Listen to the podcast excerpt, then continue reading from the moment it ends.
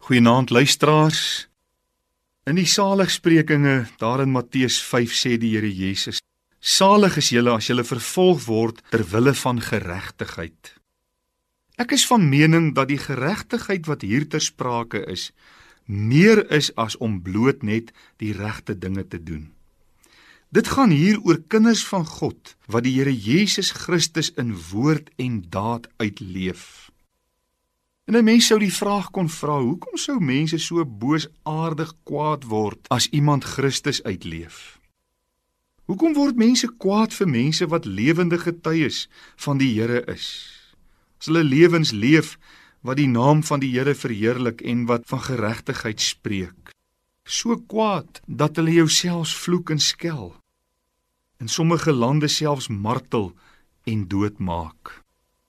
Ek dink William McDonald gee 'n pragtige antwoord. 'n Lewe met integriteit veroordeel die goddelose wêreld en bring vyandigheid. Mense haat 'n lewe van geregtigheid, 'n Jesus lewe, want dit ontmasker hulle eie ongeregtigheid. Miljoene mense het al met hulle lewens betaal omdat hulle 'n lewe van geregtigheid geleef het. En ek het geleer om my nie te verbaas wanneer ek oor die Here Jesus praat en daar mense is wat striemende aanvalle loods nie. Snaaks. As jy met mooi sedepreekies besig is, sal jy min teenkanting kry. Maar die oomblik as jou prediking oor Christus gaan, is daar altyd diegene wat hulle self eenvoudig nie kan help nie, wat woedend kwaad word.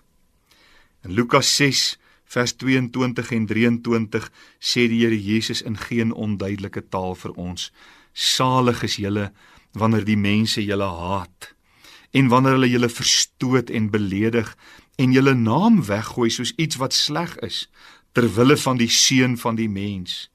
Wees bly in daardie dag en spring op want kyk, julle loon is groot in die hemel, want hulle vaders het net so aan die profete gedoen.